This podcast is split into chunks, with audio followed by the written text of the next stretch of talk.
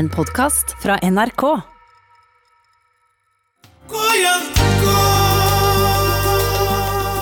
Afrika. Rikt på så mangt, men nedvurdert og utplyndret.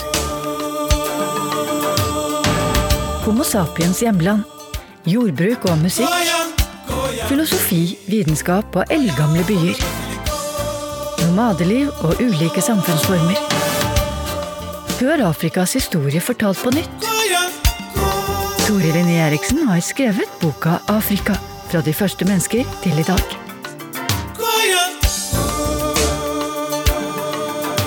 Vi har lenge hatt det i tankene, men det er særlig blitt aktuelt i de siste årene.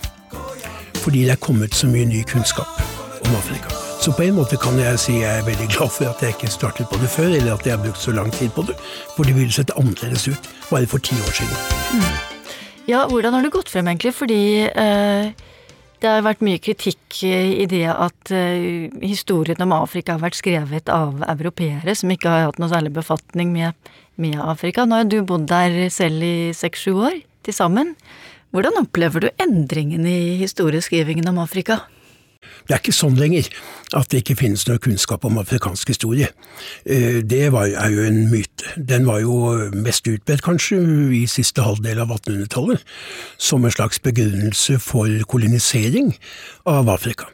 At eh, de eh, hadde ingen historie, de hadde, for historie krever jo forandring. Det er studier studie av forandring som på mange måter er historiefaget, men med oppfatningen av at Afrika var i en slags evig stillstand, eller et barbari, som bare ventet på at det skulle komme misjonærer, såkalt oppdagere, og så kolonisatorer fra det høye nord, og spre sivilisasjon og, og kunnskap og kristendom. Da slo det veldig hardt inn den forestillingen. Men den har jo levd forbausende lenge. Og mye lenger enn uh, forestillingen om at ikke India eller Kina hadde noen historie. Det er det ingen som har hevdet de siste 50-100 årene, selv i Europa. Og det kan jo ha litt å gjøre også med at uh, Afrika var kolonisert store deler av Afrika fram til midten av 1960-tallet, og noen land nesten helt fram til 1980-tallet. Og i den perioden så var det jo kolonimyndighetene som definerte historiefaget, det var de som definerte lærebøkene, det var de som definerte kunnskap også, f.eks. ved franske eller britiske universiteter.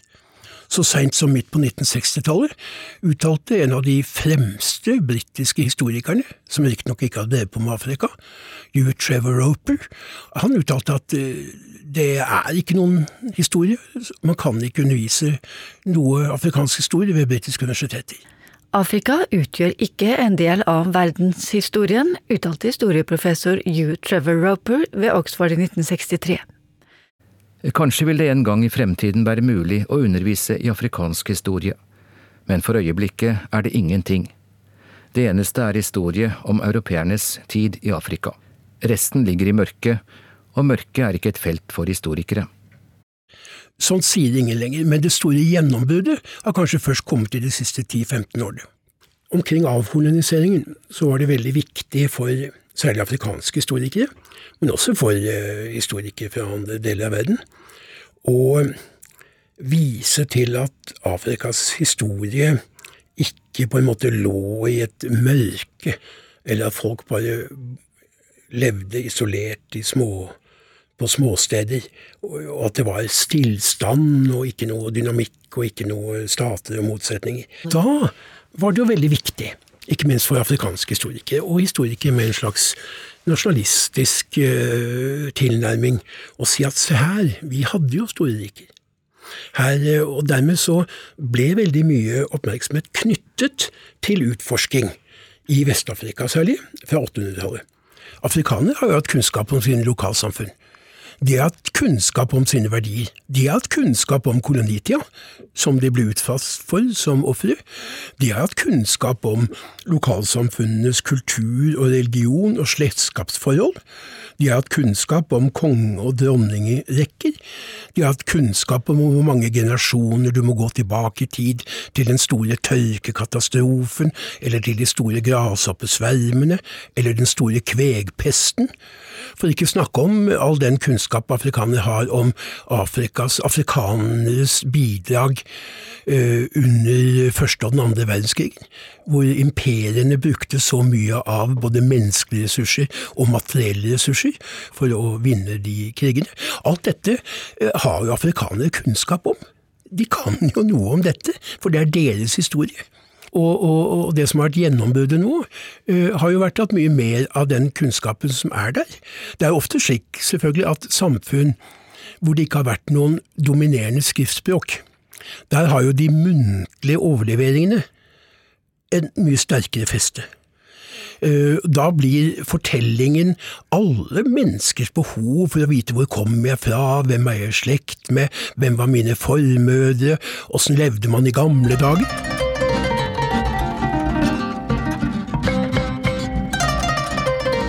Tore Linné Eriksen er historiker med Afrika som spesialfelt, og var tidligere professor i utviklingsstudier ved Oslo OsloMet. Han har vært engasjert i Afrikas historie i over 50 år, og har vært tilknyttet flere forskningssentra både i Norden og i afrikanske land. Torlin Eriksen er kjent for sine mange lærebøker for videregående skole og høyere utdanning, i tillegg til en prisbelønt biografi om Nelson Mandela for ungdom. For et par år siden utga du Sør-Afrikas historie, og er altså nå aktuell med boka Afrika fra de første mennesker til i dag. Men eh, det har jo vært rettet eh, en del kritikk nettopp mot at eldre hvite menn fra Vesten skriver Afrikas historie. Hvordan forholder du deg til det? La meg først si at det er jo et eh, dristig prosjekt å samle 7,5 millioner år eh, mellom to permer. Eh, bare 400 sider, og til og med masse bilder og kart. Så det er et dristig prosjekt. Det er jo også dristig i den forstand at eh, mange mener at de er kommet til at det er afrikanere som bør skrive afrikansk historie, ikke en gammel eh, hvit mann. Når jeg likevel har gjort det, så er det dels fordi at jeg har arbeidet med afrikansk historie stort sett hele mitt voksne liv. Og jeg har også høstet mange impulser ved å være bosatt i ulike afrikanske land. Eh, hvor jeg i land som Tanzania og Zambia og Zimbabwe og Botswana og Namibia har hatt eh, gleden av å samarbeide ganske nært med lokale forskningsmiljøer. Så du har vært der og jobbet i flere år, rett og slett, i ja, disse ulike landene? Ja, ja. Og jeg tror ikke jeg ville tørre å skrive dette uten det. Eh, men jeg har jo samtidig, jeg er jo klar over eh, det kritiske brodden i spørsmålet ditt. Men det er jo mulig i dag. Hadde jeg skrevet for 20 år siden, eh, da hadde jeg ikke villet skrive den. Når jeg har kunnet gjøre det nå, så er det også fordi det er kommet mye mer historieskrivning fra afrikanske historikere. Som også da har lokalkunnskap, som kan uh, lokale språk. Og som uh, har satt sitt preg og lagt mye av premissene for ny forskning. Det har også dristet meg til det fordi at jeg syns det som en person som bor i Norge så har jeg alltid sett det som min oppgave, siden jeg har vært så privilegert å kunne reise, bo i andre land, lese bøker, leve av å undervise om dette, eh, så har jeg følt en slags forpliktelse til å formidle dette. Også utenfor de akademiske murene. Du sier at det er kommet til veldig mye ny kunnskap eh, i, når det gjelder eh, historien om Afrika. Hvor hvor revolusjonerende er denne kunnskapen? Er det litt sånn detaljer her og der, eller velter det om på store forestillinger? Det velter om på store vrangforestillinger. Særlig i vår del av verden, hvor mange sier at man ikke kan vite noe om afrikansk historie. Men det betyr ikke at kunnskapen ikke finnes. Det er både ny kunnskap, men ny kunnskap bringer jo også fram nye perspektiver. Når man f.eks. får ny kunnskap om hvor tidlig overgangen til jordbruk og til jernproduksjon var i Afrika, som kan virke som en detalj som en arkeolog har funnet ut, så gjør jo det om på hele forestillingen om at afrikanere alltid har ligget etter etter at når afrikanere har fått til noe, så er det fordi de har lært fra noen som kommer nordfra. Sånn kan uh, ny kunnskap på det feltet gjøre om på tenkemåter. Mm. På samme måte har jo ny kunnskap om forbrytelsen under kolonitida sånn som f.eks. folkemord i Namibia i begynnelsen av 1900-tallet, det har jo også gjort om, eller burde gjøre om, eh, på forestillingen om at det er bare i Europa at det blir begått folkemord som ingen kan forstå noe av. liksom At Nazi-Tyskland er utenfor utenfor fatteevne. Liksom. Sett fra Afrika så har vi fått et globalt og sammenlignende perspektiv. Og det gjør også, jo mer vi vet om forbrytelsene, forstår vi jo også, i hvert fall bør man kunne forstå, at eh, det er et stort gap. Mm. For nå snakker du om folkemord som faktisk også da skjedde under kolonitiden? Ja, ja, ja, ja. I eh, begynnelsen av eh, forrige århundre. Men også selvfølgelig katastrofen i Kongo, hvor halvparten av befolkningen ble utryddet. Og også den brutale britiske opptreden i Kenya så seint som på 1950-tallet, altså etter 1945. Eh, og dette står det ikke nok om i historiebøkene? Nei, de gjør ikke det. Og når de ikke gjør det, eh, så kan jo fortsatt mange europeere tro at de er liberale og demokrater. Og er de som har spredd menneskerettigheter til verden. Og at eh, menneskerettigheter er universelle. Jo mer vi får denne type kunnskap, jo lettere vil vi se at det er et enormt gap mellom den illusjonsfylte vestlige selvforståelsen av demokratiet. Det interessante er jo ikke at det er Nazi-Tyskland og det totalitære stalinistiske Sovjetunionen som begår forbrytelser og folkemord. Det ligger jo på mange måter i disse totalitære regimenes natur. Et mye mer spennende spørsmål, og mer utfordrende, og som krever mye mer intellektuell oppegåenhet, det er jo hvordan kan det ha seg at land som på hjemmebane regnet seg som liberal-demokratiske, hadde parlaments- og riksdagsvalg, og i britisk tilfelle på 1950-tallet hadde undertegnet og til og med vært drivkrefter bak en europeisk menneskerettighetskommisjon, hvor man forbyr så mye av det som man gjorde så seint som på 1950-tallet i Kenya. Dermed er det slik at ny kunnskap om Afrika her er samtidig også en ny kunnskap om vår del av verden. Vår del av verden kan ikke skrives på samme måte, den heller, etter det vi nå vet om kolonialismen f.eks. Vi skal komme mye mer detaljert inn på alle disse forholdene og hendelsene gjennom historien til Afrika fra de første mennesker til i dag, og det er jo da 200 000 år siden. Hva er det som har på en måte eh, grepet deg mest, eh, preget deg mest, gjort mest inntrykk på deg når du har jobbet med dette historieverket og gått inn og, og gjort dine oppdagelser, da, Tore Linné Eriksen? Det er jo ikke minst den aller første del av historien. Det kommer vi mer tilbake til. Tanken om hvordan alle viktige steg i evolusjonen fant sted i Afrika. Og se for seg denne lange, møysommelige, gjennom flere millioner år ferd mot dagens mennesker. Og så samtidig ha i tankene hvordan store deler av verden i dag er i ferd liksom, med å ødelegge dette økologiske samspillet som vi har og alt det menneskene før oss har strevd og fått til. Det gir jo uh, Kanskje høres det litt høytidelig ut å si at det, det gir en slags sånn uh, empati, og på mange måter en slags frykt for hva som kan ødelegges. Det er det ene. Det andre er jo at jeg har, i motsetning til en del andre bøker, lagt mye mer vekt også på å trekke Nord-Afrika inn som en del av hele verdensdelen. Og det har for meg som mest har arbeidet med det østlige og sørlige Afrika, selvfølgelig vært uh, møte med noe som er nytt. Og det er også klart at her er jo spranget i historiekunnskap så mye større. Dels fordi at noen europeere til og med har lært seg arabiske kilder, men også fordi at arabisk historieskriving den startet jo liksom ikke etter selvstendigheten i 1960. Den har jo vært der, eh, i hvert fall de siste tusen årene. Eh, så der, det å komme inn i det har vært viktig. Og også bli minnet om at eh, Egypt er en afrikansk sivilisasjon, og ikke primært en middelhavssivilisasjon. Mm. Det syns jeg er noe av det som har slått meg mest. Eh, du, når vi ser nyheter og får informasjon om Afrika via medier her hjemme, så er det veldig ofte litt sånn tragiske hendelser om eh, blodige stammekriger, tørke, matmangel, katastrofer av ulike slag. Og så har vi da bakenforliggende denne eh, gamle rasistiske holdningen, som kanskje lever litt videre fortsatt, mot afrikanere og fargete. Hvordan opplever du situasjonen? Hva er det som er liksom mest sånn type stereotypier som vi nordmenn fortsatt eh, går og bærer rundt på? Altså En fordom som er den aller viktigste, det er jo forestillingen om at Afrika og afrikanere er det samme. Altså at alle At Afrika er liksom ett land, på en måte. Eller bare én kultur. Eller fordom mot afrikanere, enten de bor i Nord-Afrika eller Sør-Afrika. Den forestillingen der om Afrika som ett land, eh, den lever jo.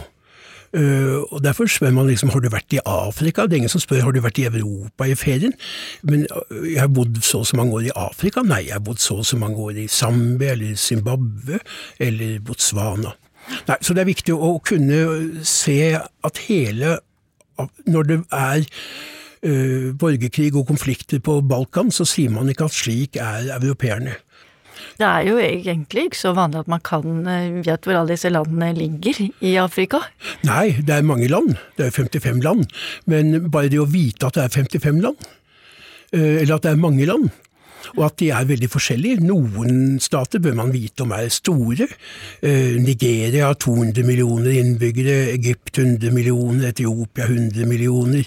Det bør man jo vite. Man bør kunne vite at Sør-Afrika er et land som inntil ganske nylig lå under et hvitt mindretallsdiktatur. Man bør vite at noen land stort sett består av ørken. Man bør vite at andre land består av mye mer fruktbare områder. Så Tore Linné Eriksen, ser du også fordommer knyttet til det afrikanske folket? Du mener til afrikanere? Ja. Uh, ja, det har jo vært en uh, litt vanskelig å si i dag, fordi at eh, folk har lært seg, altså de som er åpenbare rasister, som det finnes jo ganske mange av i Norge, eh, de kamuflerer jo det ved ikke bruke biologisk rasistiske uttrykk. Man snakker heller om ulike kulturer, eller ulik verdigrunnlag, eller ulik bakgrunn.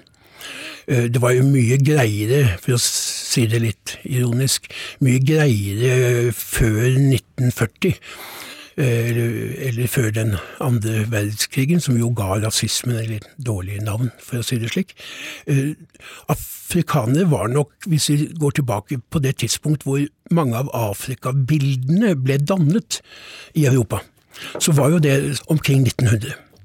Omkring 1900 var jo på en måte høydepunktet, eller lavmålet, for den biologiske rasismen. Veldig mange i Europa plasserte også afrikanere innenfor en slags uh, biologisk evolusjonsstige. Uh, hvor afrikanere lå nederst. Det, det jo, var jo en utbredt oppfatning, også blant såkalt opplyste europeere gjennom opplysningstid eller store filosofer på 1800-tallet. Hvordan arter det seg dag? Er ikke det også noe som fortsatt eksisterer? Eh, det, ja, som jeg sa, det er veldig vanskelig å vite hvor mye det eksisterer, fordi det gir seg liksom litt mer dannede uttrykk. Men jeg tror skraper du litt på, på det. Så, men det er ikke sånn som på 1900-tallet, eller omkring 1900, hvor nedvurderingen av humaniseringen var så sterk at i veldig mye av litteraturen så blir afrikanere mer framstilt som en del av faunaen, en del av dyrelivet. Og det er klart det muliggjorde jo også den holdningen av humaniseringen av andre. Muliggjorde, kan man si, store deler av kolonialismen. Men, men avhumaniseringen gjorde jo at det, det første folkemordet i 20. århundre ble utført av tyskere i deres koloni Sør-Vest-Afrika, dagens eh, Namibia, hvor vi ser veldig mange av de samme begrepene brukt om afrikanere som man brukte i Europa eh, mot minoriteter, jøder, romfolk osv. Så, mm. så den biologiske, entydige rasismen som var så utbredt i det man kalte det opplyste Europa, Eh, den eh, falt i tid, akkurat sammen med koloniseringen. Og, og var med på en måte å rettferdiggjøre eller legitimere koloniseringen.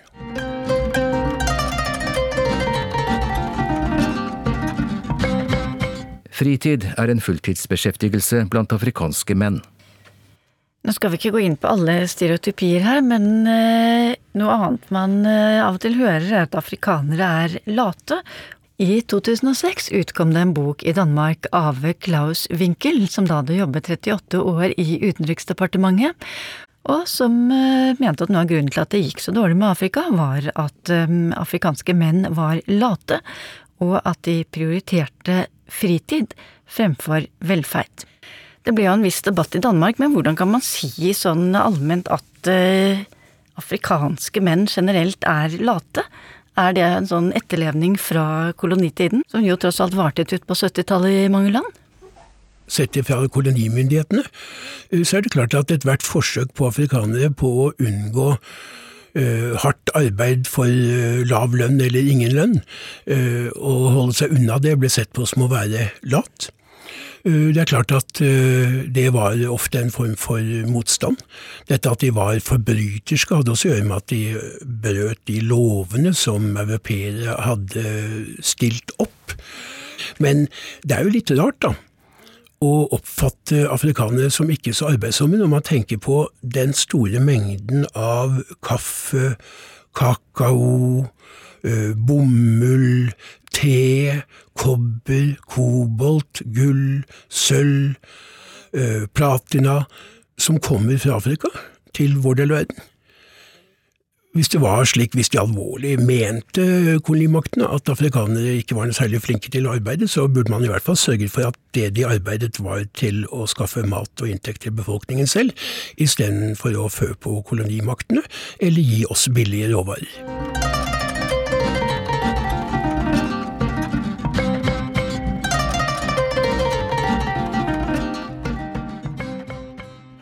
Bare tenkte å komme litt tilbake til, eh, til dette du var inne på i sted, fordi du, uh, Tore Linné Eriksen, du, du, begynner jo boka di med å snakke om uh, det første mennesket som hadde sin opprinnelse i Afrika, på det afrikanske kontinentet, Homo sapiens.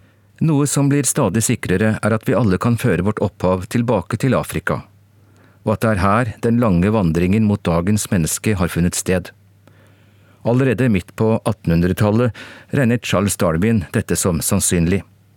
Men et slikt syn møtte liten forståelse i hans egen samtid, der teologer hadde regnet ut at alt liv hadde startet tidlig om morgenen en oktoberdag i år 4004 før vår tidsregning. Langt inn på 1900-tallet var det dessuten vanskelig for vitenskapsfolk å tro at en så fullkommen skapning kunne ha blitt til utenfor verdens midtpunkt, vil si Europa som jeg syns er interessant når man skal skrive en Afrikahistorie, det er jo nettopp å se for seg hvordan alle de viktige steg på veien mot det vi kaller Homo sapiens, da, det tenkende mennesket eller noe sånt, det er jo ikke alle som syns at det er en treffende betegnelse lenger. Men alle disse stegene, man kan se for seg hvordan de fant sted i Afrika.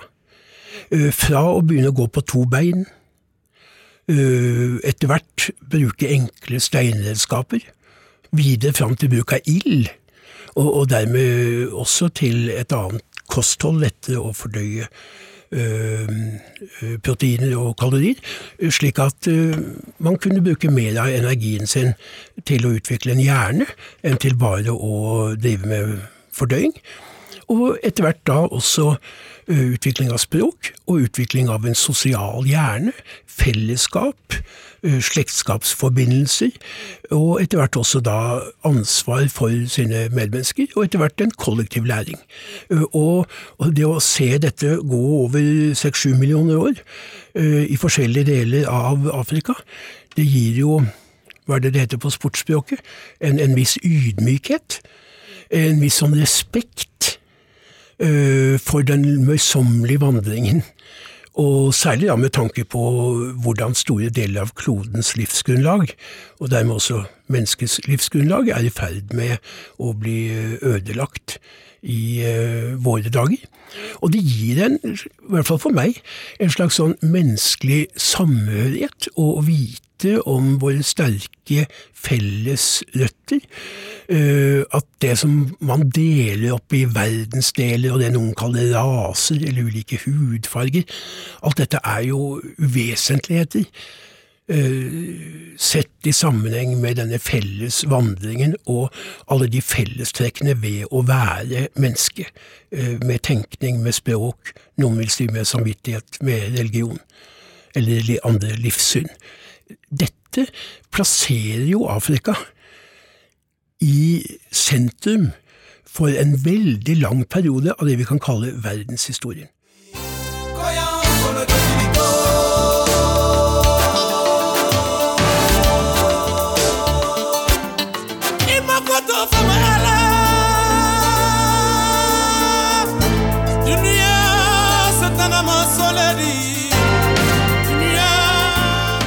Salif Keita avslutter her første del i serien om Afrikas historie fortalt på nytt, med forfatter og historiker Tore Linné Eriksen, som har skrevet boka Afrika.